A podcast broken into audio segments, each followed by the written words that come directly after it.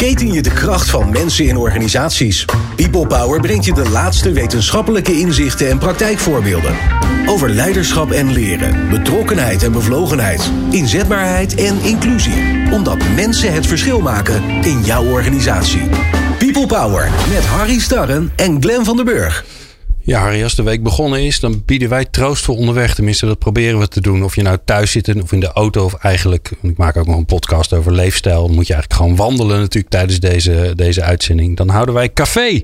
Elke maand bespreken we een groot thema in ons werkende leven. Nou, dat waren er al flink wat tot nu toe. Dus hou je vast. Afscheid, autonomie, burgerschap, crisis, drijfveren, evenwicht, feest, geluk, hoop, inspiratie, jeugd en kiezen... waren de onderwerpen in deze aflevering zijn we bij de L aanbeland. En ja, Harry kon niet zo goed kiezen, wat, maar het gaat in ieder geval over liefde en loyaliteit. Uh, we doen dat allemaal onder de liefdevolle leiding natuurlijk van Harry Starre. En die gaat ook nog een poging wagen om lust er aan toe te voegen, uh, om een beetje doorheen te fietsen.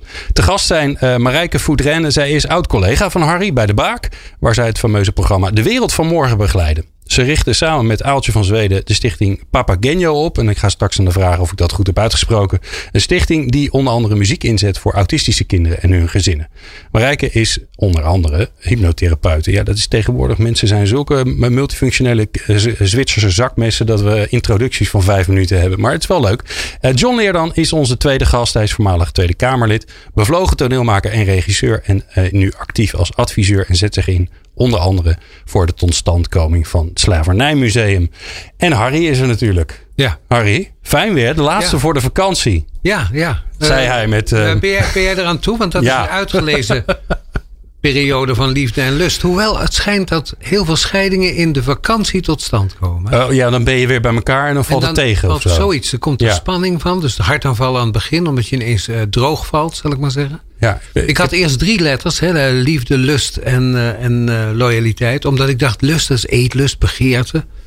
Dus dat heeft dan een verhouding met liefde. Liefde en lust. Ja. Loyaliteit. Ben jij een loyaal mens?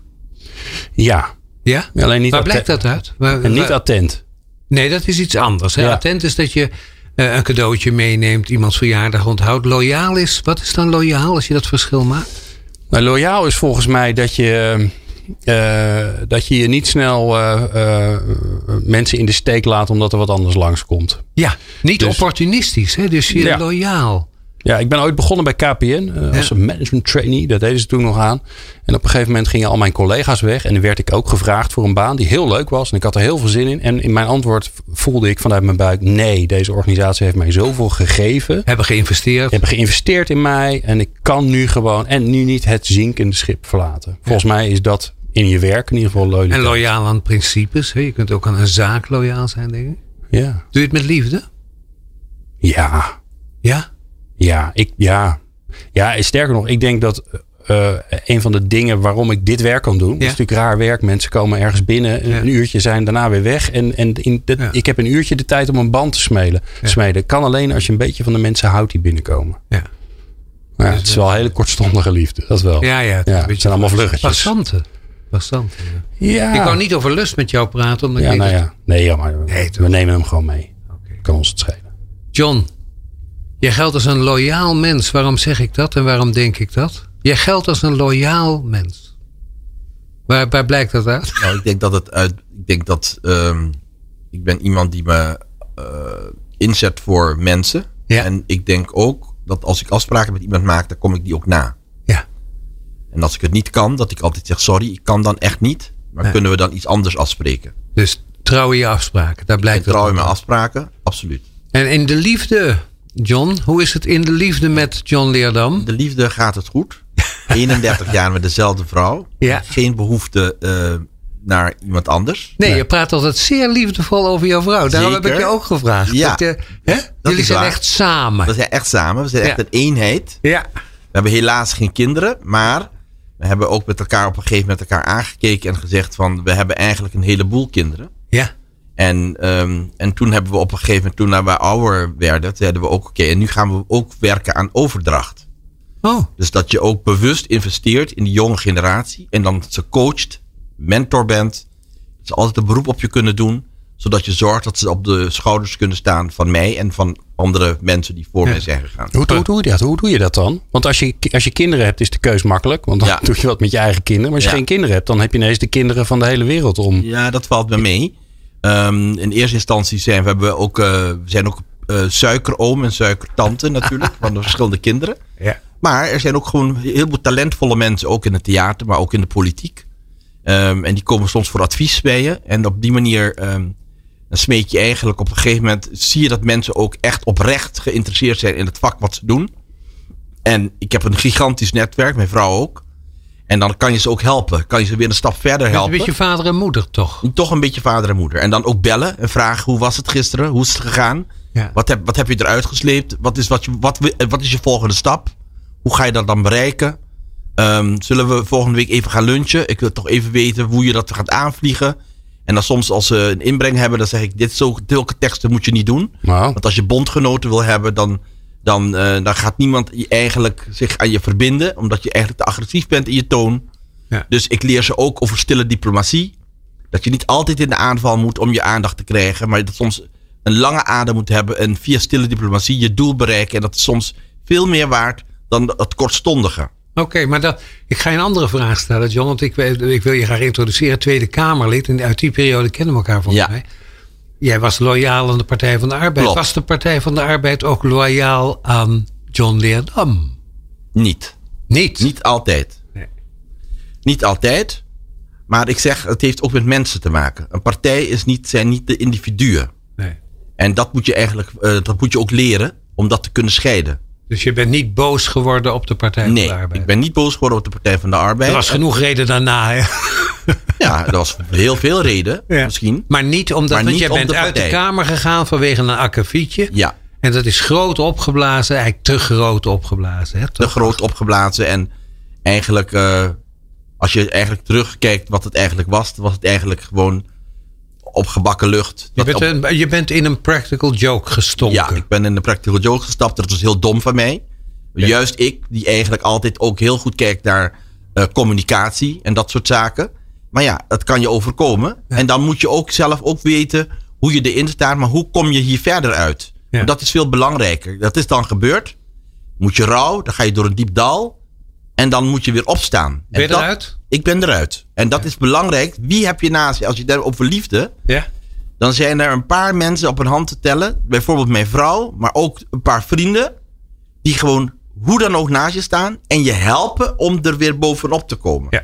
En die weg terug, dat is een interessante. Want dat is wat je leert. Dat zijn eh, lessons learned for life. ja. Karakter, hè? Je krijgt er karakter Precies. door. Als je het al niet had, hè? Had je al wel een beetje. Had ik al. Had ik al. Maar, het, maar Ja. het kleurt het wel in. Ja. ja. Begrijp je? Het kleurt het wel in. En dan ga je jezelf ook vragen stellen. Waar sta ik zelf in het leven? En hoe Ja. ga je met dit soort dingen om? En, Marijke, en, zorgen dat je niet verbitterd wordt. Want dat is het belangrijkste. Toen, toen John zei uit een dal, moest ik aan je denken. Want jij komt toch ook wel uit een dal? Uit meerdere dallen, hè, denk ik. Want je hebt nogal wat achter de rug, denk ik. Ja, eh, ik heb zeker best dingen achter de rug. Eh, en dan merk je dat je naar de essentie van alles gaat moeten gaan kijken. En dan kom je al heel gauw uit, inderdaad, bij liefde. Ja? En toen ik vanochtend eh, aan een vriendin vertelde dat ik vanmiddag hier was Ja. uitgenodigd om over liefde te praten, toen vroeg ze meteen van, oh, en welke liefde ga je dan bespreken? en ik raakte totaal in de, de war, war, ja, ja. want ik denk van, is liefde ook al in categorieën te pakken? En is liefde dan ook... ehm, eh, In afleveringen. ja, ja, ja, ik denk, maar dat kan toch niet? Je kan er ook geen protocol overheen leggen, want het is toch één groot mysterie, de liefde. Dus ik denk, ik weet het niet. En in de auto dacht ik, misschien kunnen we het alleen hebben over de vormen waarop die liefde zich dan Ja, uit. wat zijn voor jou de eerste gedachten die bij je in de auto opkwamen? Maar welke gedachten kwamen op? Nou, dat, er kwam ook zo'n metafoor in me op van een bloem. En een bloem die geurt. Maar die geur kun je niet pakken. Nee. Dat, hè, dus, dus die liefde is er. We weten geen van alle wat het is. Gaan we nou proberen met ons denken vanmiddag en eh, Ja. elders proberen die liefde te pakken en te Ja. begrijpen. Eigenlijk gek, hè? Erover praten is zoiets als een schriftelijke cursus dansen. Dus Exact, exact, weet je. Ja, dus geniet van de geur. En kijk in wat voor moment je bent. En, en laat het daar geuren. Dat, Heb je grote liefdes meegemaakt in je leven? ik, ik heb natuurlijk een hele grote liefde meegehad. ja ik ben- vraag naar de bekende weg. ja, ik ben natuurlijk 40 jaar met één man geweest. Ja. Ik ben nu nog steeds totaal verbonden, omdat er binnenkort een biografie over hem uitkomt. En dat is zo'n cadeau. Jan Vaudrijn hebben we het over. Want de luisteraar, anders moet de luisteraar gissen. Ja, over Jan Voedranen. En dat is, daar leer je ook in dat liefde. Dat is niet alleen maar eh roze geur en maneschijn. Daar moet je ontzettend hard aan werken. Want je wordt natuurlijk verliefd. En daar, dat kennen we allemaal, hoop ik. En eh, Ja. nou, dan ben je totaal van je voeten geslagen. Ja. En eh, Dat, dat klusje kan iedereen wel aan. Toch? dat wel.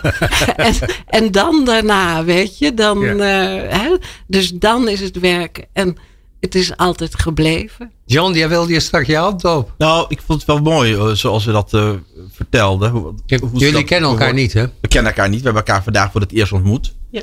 Ehm, maar ik moest ook gisteren. ehm, ik denk dat hetzelfde proces op een gegeven moment in je hoofd zich afspeelt, maar ook in je lijf. Ja. Met zulke vragen, dan ga je toch nadenken over de betekenis. De ware betekenis ook van wat jullie ons, ons hebben voorgelegd. Ja. En ik was gisteren bij mijn moeder van 95, die bijna 95 is. En ik ging daar weg en toen dacht ik, goh, die vraag van Harry intrigeert me. En toen dacht ik, in de auto zat ik en toen reed ik terug naar huis. En toen dacht ik, eigenlijk is de liefde voor mijn moeder ook ontzettend groot. Het is een andere liefde dan ik voor mijn vrouw heb. ja. Ehm, Maar je bent vol liefde. ik hè? ben vol liefde, ook hoe ze me, me sprak en wat ze me zei. En, ik was, en de verzorging van haar gisteren, en, maar al sowieso de laatste tijd. Ze heeft nu dementie, hè? Ja. En ze is een ander mens geworden. En is- ik zei tegen mijn vrouw: Het lijkt wel als mama zachter is geworden en de liefde toelaat. Oké, je komt dichterbij. Ja. Ja. Dus ik dank eigenlijk het kosmos of wat dan Ja. ook. Eh, want het zag er eerst helemaal niet goed uit. En maar het is net alsof ik nu eh, mijn moeder op een andere manier ontdek. Hoor je veel te weinig, hè? Dat dementie niet alleen maar tragisch is misschien, Ja. hè? Toch? Dat is Ja, toch een ander is- pers- ja, Het is precies. niet alleen maar tragisch. Ja. Of hoeft het niet te zeggen. Maar het- maar het roept ook op natuurlijk in John, zoals ik het luister. De liefde die er is, die dan een vorm krijgt naar zijn dementerende moeder. Ja, Hè, die, die ook zachter wordt. En Ja. dat zal waarschijnlijk ook een wisselwerking Zeker. zijn. Doordat jij daar liefdevol Verzorgender. Ja. Ja. ja. Nou, nou, we zitten hier bij het Nieuw Business Radio. Zie je het? Normaal, normaal, ja, ja. Ja. Normaal Moeten we een target op liefde Ja. stellen? Daar hebben we, dan- laten we het daar over gaan hebben. Nou ja, ik, eh, ik ben eh, opgegroeid met Edu Veldman. Hij leeft gelukkig nog in de tachtig. Of eh beschouw ik als leermeester. Die, die wilde liefde in het proefschrift van hem opnemen. En toen zei Jules, Jules van Dijk. Die was toen ook mijn promotor. Niet dat ik dat heb afgemaakt. Maar in ieder geval het begin was. en toen wilde Edu Veldman wilde in dat proefschrift. Het ging over iets zakelijks. Dan, wilde hij het woord liefde opnemen. Zei van Dijk. Kijk, het gaat hier om een zakelijke eh, proefschrift.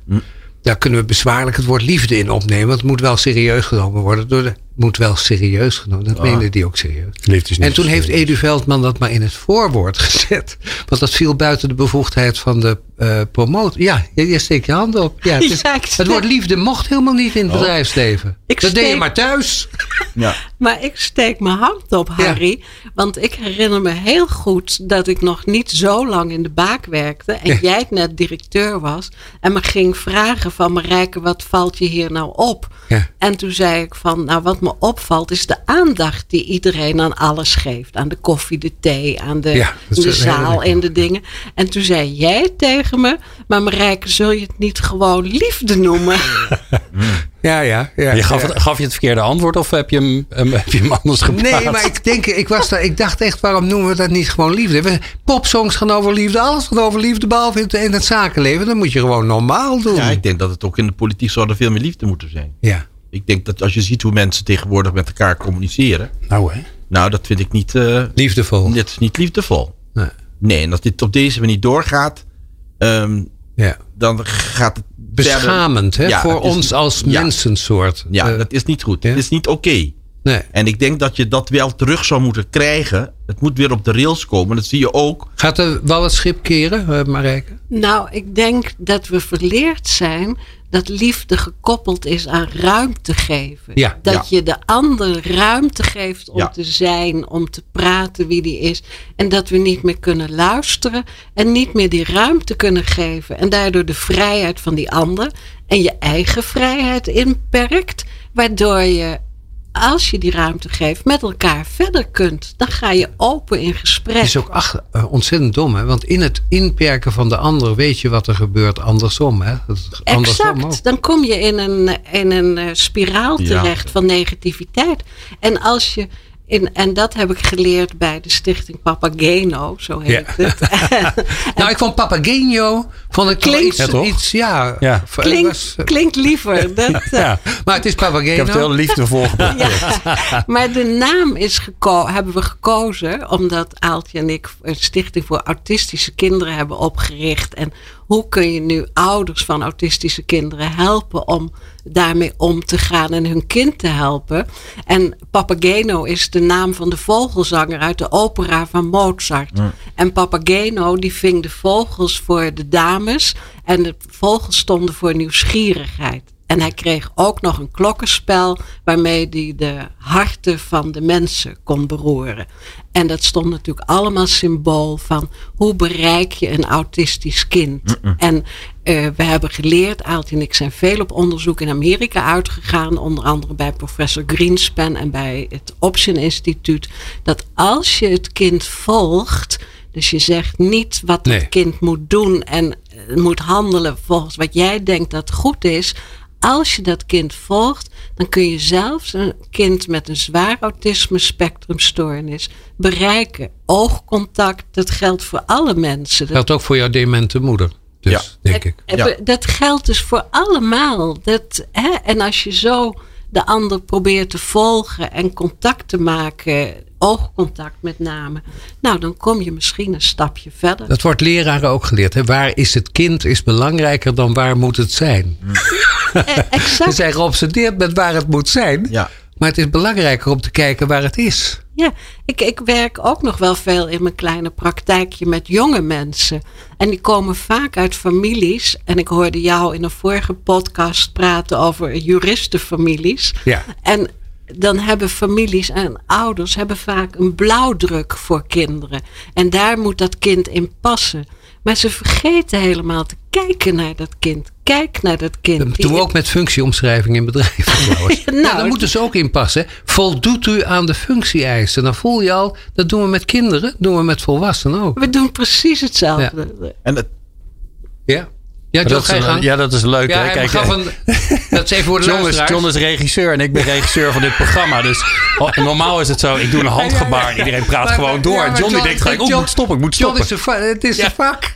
Ja, daarom. ja, als jij dat doet, dan denk je: oké, er gaat Ja, oké, komen. ja, gaat iets komen. Nou, het mag Nee, nog heel het even. enige wat ik daarbij Ja. wil zeggen is dat het, ehm, als je het ook doortrekt eh, en kijkt naar onze samenleving, zoals die is samengesteld met mensen met al de verschillende culturen, die we natuurlijk rijk zijn. Ehm, en we zeggen wel dat het iets, een positieve bijdrage is voor de samenleving, maar de signalen die we soms afgeven zijn precies het tegenovergestelde. Ja.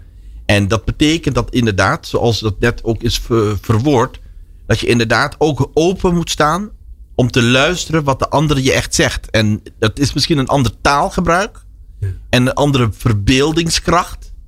Eist het dan ook misschien van jou. Maar ik denk dat je veel meer bereikt en veel grotere stappen maakt als je inderdaad gewoon echt open staat. Je verplaatst in de ander. Precies. Ja, ik ben wel benieuwd straks, Harry, ehm, ehm, of je die liefde dan nodig hebt in de organisatie om juist dat te kunnen doen. Om echt te kunnen kijken naar wie zit hier nou eigenlijk en wat kunnen ze nu eigenlijk en wat hebben ze nodig en hoe kan ik ze helpen. En nou ja, al die vragen waar we altijd Ja. mee bezig zijn, maar dan vanuit liefde, dat hoor je zo. Leiderschap, leren, inzetbaarheid en inclusie. De laatste inzichten hoor je in People Power. Ja, liefde in popsongs, dat is voortdurend, hè? Ja. Ja, ik liet een kleine pauze. Dat doet, Ja. eh, Frank Sinatra doet dat ook. Die, die, spe- die is bijna te laat. Spatiëring, Eh, ja, ja. ja. dat is, eh, Ja. Dus ik, ik noem het zelf vakmanschap. Maar ehm, liefde is een hoofdthema in popsongs, in allerlei eh, uitingen, maar niet in het zakelijke. En toen zei Marijke uh, daarnet, misschien moet je met loyaliteit beginnen. Ja, waar begin je dus? Nou ja, met, met Marijke? Ik denk met loyaliteit. Ik denk in de eerste plaats uh, loyaliteit aan jezelf. Dat je hebt bepaalde ideeën en daar wil je toch trouw aan blijven.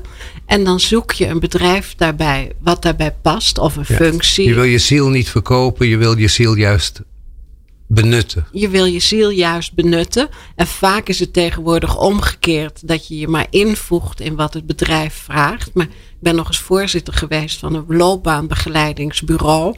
En daar werkten we met de mensen en maakten we ze weer bewust van waar, wat hun talenten zijn, wat, hun, wat ze kunnen en waar ze trouw aan zijn. En dan gingen ze op zoek naar een bedrijf waarin die kwaliteiten en die ja. uh, dingen pasten. Herinner me van, ik denk dat we het over hetzelfde hebben. Ik vermoed van Ede. Eh, inderdaad. Ja, ja en, want die bestaan nog en die mogen best genoemd worden want in, in dit kanaal. Ik weet niet maar uh, wat me zo tof was dat men dacht, de mensen die er kwamen, die vonden dat het bedrijf ontrouw aan hen was geweest. Heel vaak als ze ontslagen waren. En ze kwamen er vaak achter dat ze eigenlijk ontrouw aan zichzelf waren geworden. Vaak. Exact.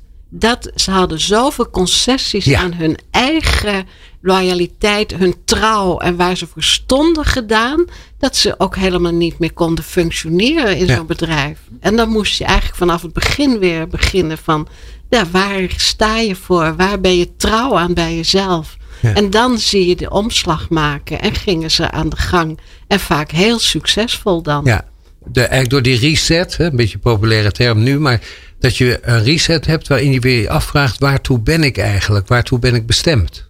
Exact. Dat, hè, en wat, eh, dat vroeg jij in de baak ook, dat mag ik hier dan ook wel zeggen. Ja. Dat mensen op de plaats waren, werkten waar ze zich helemaal zichzelf konden zijn en de dingen konden inzetten. Waar ze zich heel gelukkig bij voelden en waar ze dan ook echt voor gingen. Heel trouw voor waren. Mag ik hopen, ja. Dat dat, eh, als ik aan John vraag, aan jou vraag, John. Wat, eh, aan welke John ben jij dan trouw? Als het trouw aan jezelf is. Wat, en wanneer ging het in jouw leven mis? Wanneer heb je, ben je dat even kwijt geweest? Als dat ooit gebeurd is. Ik denk dat bijna iedereen dat soms even kwijt is. Ja. Als het goed is. Ehm, je, je loopt, je, er, kijk, er is een, op een gegeven moment is er een, een ontwikkeling die je meemaakt. Ja. Ehm, het, waar, het moment dat ik het meeste volgens mij in sync was met mezelf, Ja? Was toen ik in Amerika woonde, in New York woonde. En eh, eh, drie dingen tegelijkertijd deed, maar eh, het zo deed dat ik ook echt erkenning kreeg voor en de ruimte kreeg om te doen wat ik vond dat ik goed kon. Ehm, dat was één, lesgeven op de universiteit. Ja. Ehm, Masterpieces in American Film History in the Role of Black Cinema. Dat was een, iets wat ik had ontwikkeld. En dat Ja. was zeer succesvol. Een de course? ja, een course onder de studenten. Ja.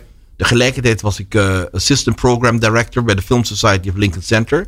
Ja. Ik deed de New York Film Festival en New Directors New Films bij de Ja. Museum Modern Art.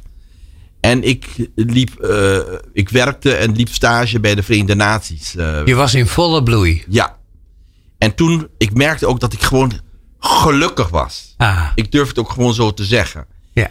En ehm, op een gegeven moment in de politiek moet je toch ook heel vaak concessies doen.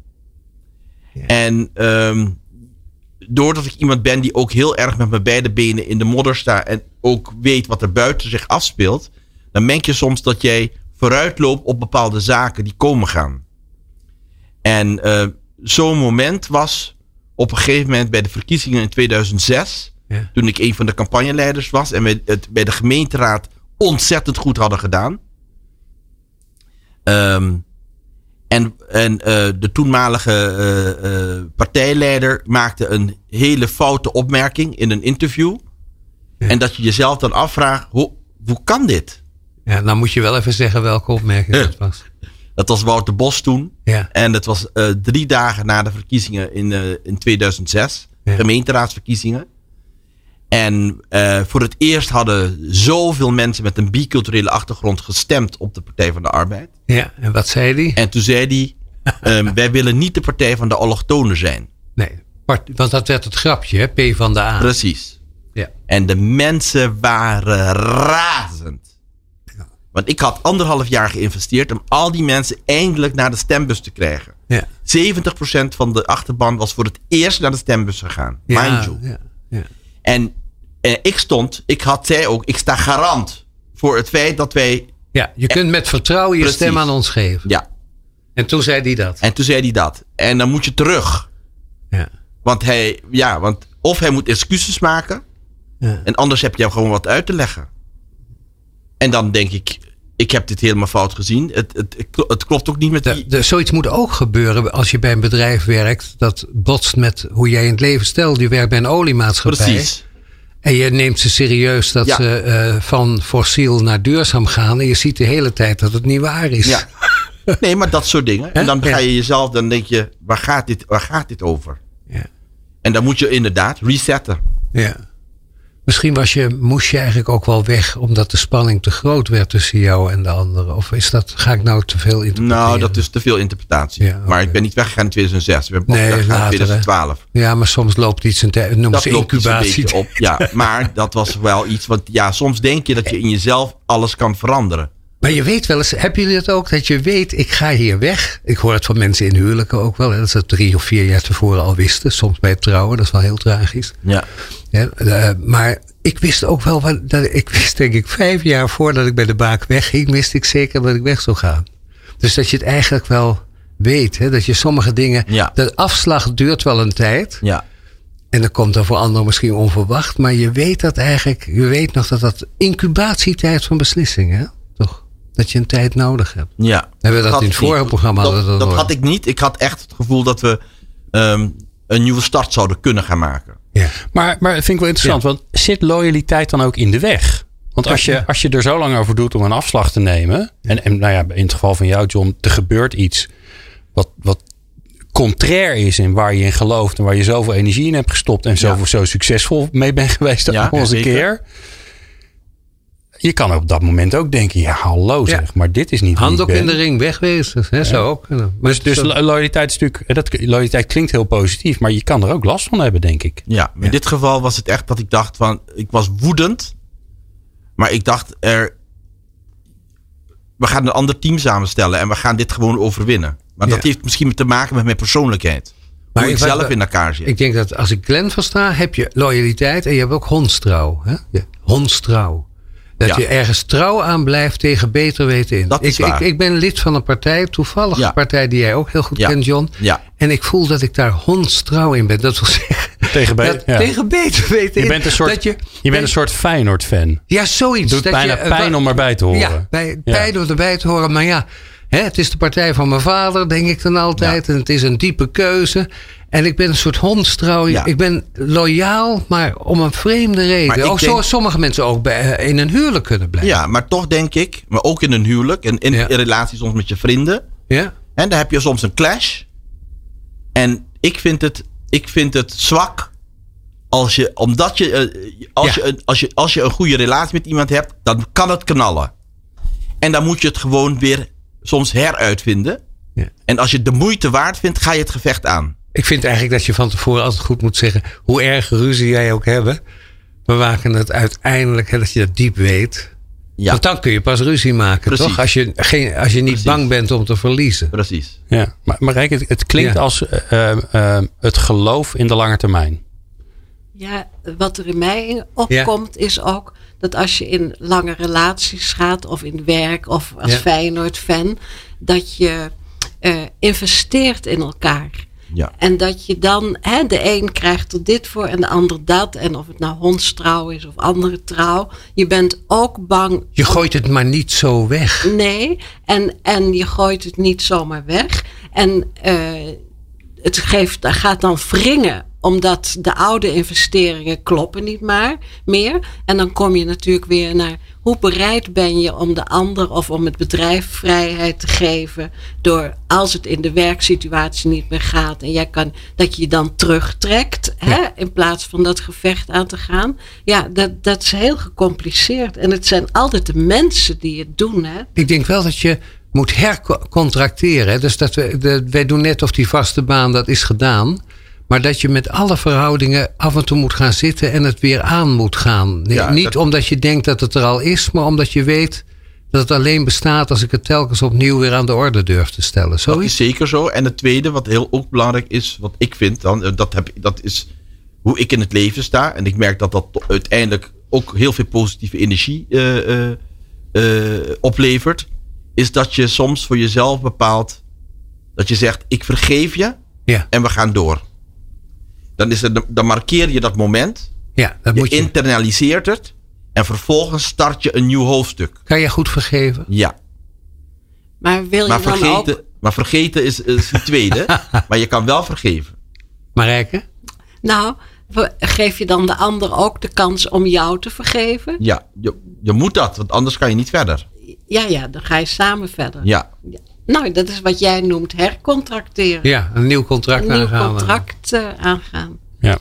Harry, ik, ehm, ik kan het toch niet laten Ja. om, eh, om jou en eh, onze fijne tafelgenoten een klein beetje uit te dagen om in het laatste stukje ook nog even lust erbij te pakken. Toch maar? Ja, toch maar. Ja. Ja, ja. En ik, ik, ik leid dat even in. Betere prestaties en gelukkige mensen. People Power. Harry, waarom moest lust er nou bij? Nou ja, liefde en lust, dacht ik aan. Want je werd bijna boos op me gewoon. Ja, omdat Toch? jij. eh, ik, eh, nou, ik was natuurlijk zelf. Voelde weinig liefde. Nee, ja, dat klopt ook. Ja. Maar Lust is eh, Eric Idle van de Monty Python. Die eh, werd geïnterviewd wel. En dan zagen de interviewers zagen dan een bloedmooie eh, eh, blonde vrouw. En Eric Idle is niet een, een schoonheid. Het is een hele geestige man. En je weet, geestigheid, daar red je het ook nog een stuk mee. En, ehm, en dan keken ze zo naar die mooie vrouw van Eric Idle. En dan zei hij altijd meteen... Het was lust op het eerste gezicht. En eh, als we eerlijk zijn, is dat natuurlijk vaak waar. Hè? Dus de liefde begint vaak met lust. Dus dat, dat is de eerste associatie. De tweede is natuurlijk lust is begeerte.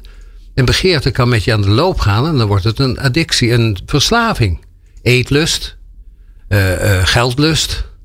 Maar lust is natuurlijk wel eh, iets wat ons gaande houdt ook. Lust ontkennen levert natuurlijk hele vreemd soort mensen op. In, hè. Tenminste, ik meen ze wel op de Bijbelbelt tegen te komen. Dat ik denk, nou, de lust is goed onderdrukt. Maar als hij zich naar buiten treedt, dan is hij bloedgevaarlijk. Zoiets. Lust en liefde. En lust kan ook loyaliteit in de weg staan. Dat je bijvoorbeeld gaat voor een tientje meer of duizend meer. En dan word je niet loyaal. Dan heeft de lust het van je over. Nou, dat. Ja, ik zie. ik- John, laat me niet alleen nu met deze tekst. hè. Want ik graaf me er helemaal in. Ja, de conclusie kan ook zijn dat we het Ja, hier niet over moeten hebben. ja, en je denkt, praat jij maar door, jongen. Maar Ja. dat is de bedoeling van dit programma niet. Nou, nou ik- ja, kijk, ik vind het wel interessant wat je zegt. En ik zit erover na te denken. Maar als ik zat na te denken, hoe, hoe zit het dan in mijn systeem? Ja, En wat heb ik gezien bij vele vrienden en vriendinnen? ja.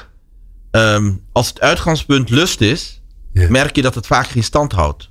Nee, er moet ook wel echte vriendschap zijn. Er moet vriendschap zijn. Er moet eh, eh, inderdaad, waar we, waar we mee begonnen, de liefde moet, het is toch een soort onderliggende soort motor om dat te blijven, waardoor je in alle fases met elkaar verder kan en wil. Dus de lust is niet broodnodig. Het is een element die, die erbij hoort of komt. Ja. Ehm, want dat wordt natuurlijk, dat is ook voeding, dat is ook eten, zou je kunnen zeggen. Hè? Voeding voor Ja, de hoort, relatie. hoort erbij. Dat, hoef Dat je- hoort erbij. Maar als, het, als, als dat het uitgangspunt is. Want je kan ook lust hebben gewoon eh, dat het op een gegeven moment gewoon knalt en dan gaat het uit elkaar. Jij, jij bent eh, in Osho. De Osho zeg ik, Bhagwan zeggen de meeste mensen hier in Nederland. En daar leek lust niet, eh, eh, hoe zeg je dat? Daar werd lust leek toegelaten. Daar, daar, daar wa- wa- was gewoon toege, eh, toegegeven dat wij lustende mensen zijn, lustvolle mensen zijn. Ja, want we hebben er niet mee om leren gaan. Nee. we leren hele kleine kinderen niet vanaf baby om om te gaan met lust. Hoe je daar. eh, Word je vaak bestraffend toegesproken. dat mag niet. Dat is hè, dat, als een kindje. Zondig. Dat is zeer zondig. Maar weet een kind wat zondig is? Als het ontdekt, een jongetje, dat het een piemeltje heeft. En Ja, een dat- meisje ontdekt dingen. En dan zijn ze anderhalf of twee. Ja. Niet wordt- aanzitten. Hè? ja, dus, dus we leren helemaal niet aan kinderen vanaf kleins om met lust om te gaan. En er is natuurlijk niks mis met lust. Hè? De godsdiensten hebben dat alleen gezet in, eh, in de voortplanting. Dan mag het gewoon. En dan- Functioneel. En dan nog het meest eh, aardig voor de man is het beschouwd. Hè? En de vrouw moet zich, maar toe, eh, moet zich maar aanpassen. Of de clitoris wordt weggesneden in bepaalde landen. En, en, en dat is hoe we met lust omgaan. Terwijl het natuurlijk zo'n integraal deel is van je mens zijn. Ontkenning van, van een belangrijk deel van ons mens zijn. Leren we dat dan ook niet in organisaties om daarmee om te gaan? Ik, ik, ik trek de boel weer eens even naar. Nou ja, de hele MeToo. We, we, stoppen, we stoppen heel veel mensen bij elkaar. Dat noemen we een bedrijf of een organisatie. Ja, en die- en die worden vervolgens lusteloos. gaan we ervan uit dat liefde en lust, loyaliteit wel, maar dat dat er niet is. dat dat er niet is. Dus je, je wilt alleen maar het deel van die mens Ja. waarmee je de productie kunt verhogen en dat soort Ja. dingen. Maar de hele mens met liefde, lust, loyaliteit. Hoe heette de vrouwelijke hoogleraar die het had over gewenste intimiteit op het werk? Dat weet ik niet. Nee, maar die zat in de wereld van morgen. Daarom, maar ik herinner me, dat was toen aan de orde. Dat bedrijven, dat je daar gewenste intimiteit, niet ongewenste intimiteit, maar wel gewenste intimiteit. Ja, dat je daarmee omging. En ik weet ook wel uit die programma's. Er is natuurlijk een groot verschil man, vrouw. En laten we dat nou gewoon accepteren. Vieren. En, en dat kun je, je kunt dingen aan elkaar toevoegen gewoon. Omdat je anders denkt, handelt. En, eh, en als je dat daar samenbrengt en daar ook ruimte aan geeft. En helemaal niet dat het banaal seksueel wordt of sensueel. Maar dan ontstaat er een andere chemie in die cursussen. Maar daarom denk ik dat het ook wel mooi is dat je daarnet, dat, dat muziek die je net draaide van Ja. Marvin Gaye, Let's Get It On. En we hadden ook Sexual Healing, maar we hebben zo ook hebben we een heleboel nummers.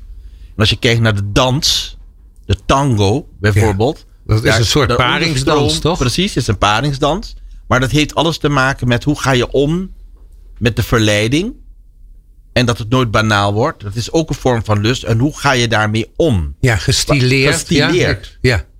Ja, hoe ga je daarmee om? En ik ben altijd heel verbaasd geweest dat er ook allerlei programma's zijn, managementleergangen en dingen, waar vrouwen, alleen vrouwen bij elkaar komen om te leren hoe ze omgaan en hoe ze opereren in zo'n mannenwereld. Ja. Maar dat kan volgens mij niet. Je moet dat gezamenlijk doen.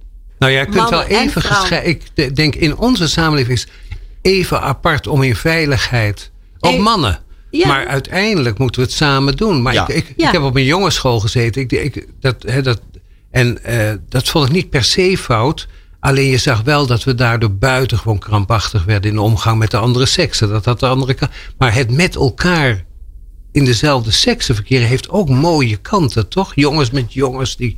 Oh ja, dat je, hè, Ja. tuurlijk, daar is niks mis mee. Maar dat je op een gegeven moment wel samen verder Ja. gaat. En, en dat probeert te ontdekken met elkaar. Maar je ziet ook dat mannen tegenwoordig, net zoals vrouwen dan bij elkaar komen, mannen komen dan Ja. bij elkaar. Maar je ziet in Amerika is er nu een hele uprising, zeg maar, Ja?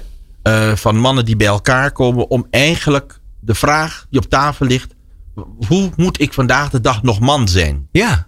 En ze zich niet meer weten hoe, het zich moet verhouden, hoe ze zich moeten verhouden naar hun vrouw toe, naar hun vrouwelijke collega's toe. John, we hadden het voor het zeggen. We waren. Nee, maar dat is toch zo? We waren de baas. De mannen hoefden niet na te. We waren gewoon de Ah, baas. we- dat dachten we in ieder Dat geval. dachten we. Ja, maar weet je nog dat. Ik denk dat het allemaal zo. Tot we nu erachter komen.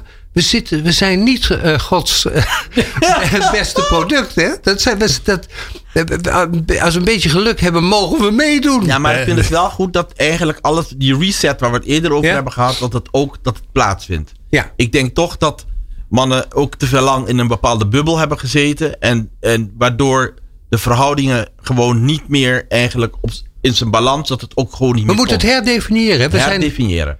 Want ik, ik een beetje Emancipatie gek. Ja, Emancipatie. emancipatie ook van mannen. Want die, Ja. raken, ik hoor dat jongens op middelbare scholen nu steeds vaker de weg kwijt zijn, omdat hun vanzelfsprekende rol er niet meer is. Ja. Ze werden verwend, dat worden ze niet meer. En ze krijgen lagere cijfers dan de meisjes, want die doen beter hun best. Zo is het. En straks gaan ook de betere banen, nu al gelukkig. Hè? Ja. Want het wordt steeds rechtvaardiger en steeds meer mannen komen erachter. Vanzelfsprekend aan de bak kom je hier niet meer als jongen. Of, of ben ik nou te beklemd? Nou, ik denk dat je een stap daarvoor moet gaan. Die grote golf echtscheidingen heeft gemaakt dat heel veel kinderen in een eenoudergezin opgegroeid. En alleen bij een moeder. Dus waar is het rolmodel voor die jongen? En op, op scholen met alleen juffen. En op scholen alleen met juffen nog. Ja. John, dit is, eh, ja, dit is een beetje het dominee-deel wat er nu komt. Of, of niet, want je hebt, legt het boek open, je gaat iets voorlezen. Wat leuk dat je dat doet. Ja, ik heb erover nagedacht en dan ga Ja. ik kijken welke, wat, wat heb ik in de kast staan. Ja. Wat kan als inspiratie dienen. Ja. En ik kwam, ik stuitte tegen een eh, gedichtenbundel van Walter Palm. Ja. Ehm, eh, hij is ook uit de Antillen, komt ook uit de Antillen. Ik vind dat hij een geweldige, geweldige gedichten schrijft. Dit is het gedichtenbundel Met lege handen ging ik slapen. Met een gedicht werd ik wakker. Ah, En hij, eh, een van de gedichten die hij schreef, ja, Lees dacht ik voor. aan deze ja. uitzending. En dat is het volgende. De titel is nummer 1. Elke zucht van jou, voor mij een orkaan. Een orkaan waarbij zelfs Louise een briesje is. Elke glimlach van jou, een haven voor mij. Een haven waarbij zelfs Rotterdam een steigertje is. Elke wisseling in jouw stem voor mij een symfonie. Een symfonie waarbij zelfs Beethoven een riedeltje is. Elk woord van jou, voor mij het evangelie. Het absolute einde. Nou, ik hoop dat je vrouw dit gehoord heeft. dat is mooi, hè? Ja, Ja. Hoe vol je van iemand anders kunt zijn, toch? Snap je? Ik dacht, eh, Ja. het past bij dit thema. Ja, het is ook Antilliaans, hè? Want hij houdt zich niet in, hè? Nee, hij houdt zich niet in. En dat vind ik ook wel, maar dat vind ik juist mooi. En dan moet je denken aan Maar die, ja, ik voel me zo'n Hollander als ik hier naar luister. Ja. Want ik denk dan meteen tut tut, ho ho, kalm aan. passie, passie. passie, ja. En dan niet voor het bakken van brood en het verkopen van spullen, maar echte passie. Passie is ook lijden, hè? Ja, Wordt er voldoende geleden door jullie? Ga je nou er nog een L bij Ja, halen? ja, Het ja. Blijf maar doorgaan, Ja. joh. Mooi. Nee, maar, maar, maar lijden? eh, lijden is goed. Ja, Je moet Word je soms op een beetje van. en dan kom je, Ja. kan je weer als een soort vulkaan. Kan je Ja, we moeten het aan. niet zoeken, want dat, eh, Nee, daar dat dwingt moet je niet het- zoeken, want nee, anders- nee, Het komt vanzelf wel. komt vanzelf. Komt ja. vanzelf wel. Ja, dat lijden. Want jij, jij, ik zei het even, maar je hebt het een en ander meegemaakt in je leven, Marijke. Als afronding, Ja. hè? Gekke afronding misschien. Ja, nou ja, maar ik denk dat maakt het leven heel. Ja. Als je alleen maar eh, ja, geluk hebt of zo, Ja. tussen aanhalingstekens, dan ervaar je het ook niet meer zo. Dat, Die andere kant hoort er helemaal bij. Bijzonder lijden aan de overkant komt, die heeft niet echt geleefd. Zoiets? Dat is toch Zo. nog dieper dan één dag niet gelachen gehad. Ja. Nou, Ja. dat zeggen we hier niet, toch? Nee. We zijn er, eh, Glenn. Eh, Ja, we zijn nog lang niet, maar Nee, voor, maar voor nu, volgende eh, keer voor over moraal en mededogen. Wat vind je Nee, daarvan? je ging drie woorden nee, doen, Moraal, moed en mededogen. Ja, en dan ging je even uitleggen waarom het er drie moesten zijn. Ja, Weet je nog? volgende keer. Hadden we afgesproken. Ja. Nee, niet nu. Ja, volgende keer. Maar pak jij de uitdaging om de volgende Ja, Café Forum te beginnen met een Ja, korte, kort. korte column? Ja, en dan gaan je- wij niet eikelen vooraf. Dat komt dan in, in plaats van dat wij met elkaar Van, eikelen. van dat geneuzel voor ons bedoel je. Ehm, goh, ik bed- be- zullen we bedanken? ja, nou dat ja, is- dat wilde ik eigenlijk gaan doen. Maar eh, jij mag het voor mij ook doen. Nee, nee, doe jij maar. Oké. Jij, jij doet dat. Dank. Eh Marijke Voederenne, als ik het goed uitspreek, maar dat probeer ik eh, natuurlijk met liefdevol te doen. Eh, en John Leer dan onwijs leuk dat jullie er waren. Ja, tot een volgende keer. We hebben ooit bedacht, het zijn mensen die vaker terugkomen. Maar Arie komt steeds meer met, met leuke nieuwe mensen, wat ook leuk is. Maar ik wil ze ook allemaal weer terugzien. Dus ik, Ja, ik, ik heb enorm manier. veel last van mijn liefde. Ja. Ehm, Harry, bijzonder bedankt voor weer een half jaar mooi Café Forum. Na de zomer gezellig weer door. Jij natuurlijk bedankt voor het luisteren. Je kunt ons enorm helpen. En dat kun je doen door eh, deel te gaan nemen in ons luisterpanel. Ik wil namelijk heel graag van jou horen. Je hoort ongelooflijk veel van ons en van mij vooral, omdat ik hier eh, elke week twee uur sta te kletsen. Maar ik wil heel graag van jou horen wat we beter, leuker, mooier kunnen doen. Waar we meer van moeten doen, omdat je het heel leuk vindt. Om, of ons geneuzel, wat ik met Harry doe, vooraf eigenlijk heel erg grappig en leuk is. Of dat we het nooit meer moeten doen. Dat kan alleen maar als we het van je horen. En dat wil ik dan graag van jou in het echt horen. Dus als je dat leuk vindt, stuur even een mailtje naar info at people, liggend streepje, niet zo'n underscore ding, maar liggend streepje power.nl.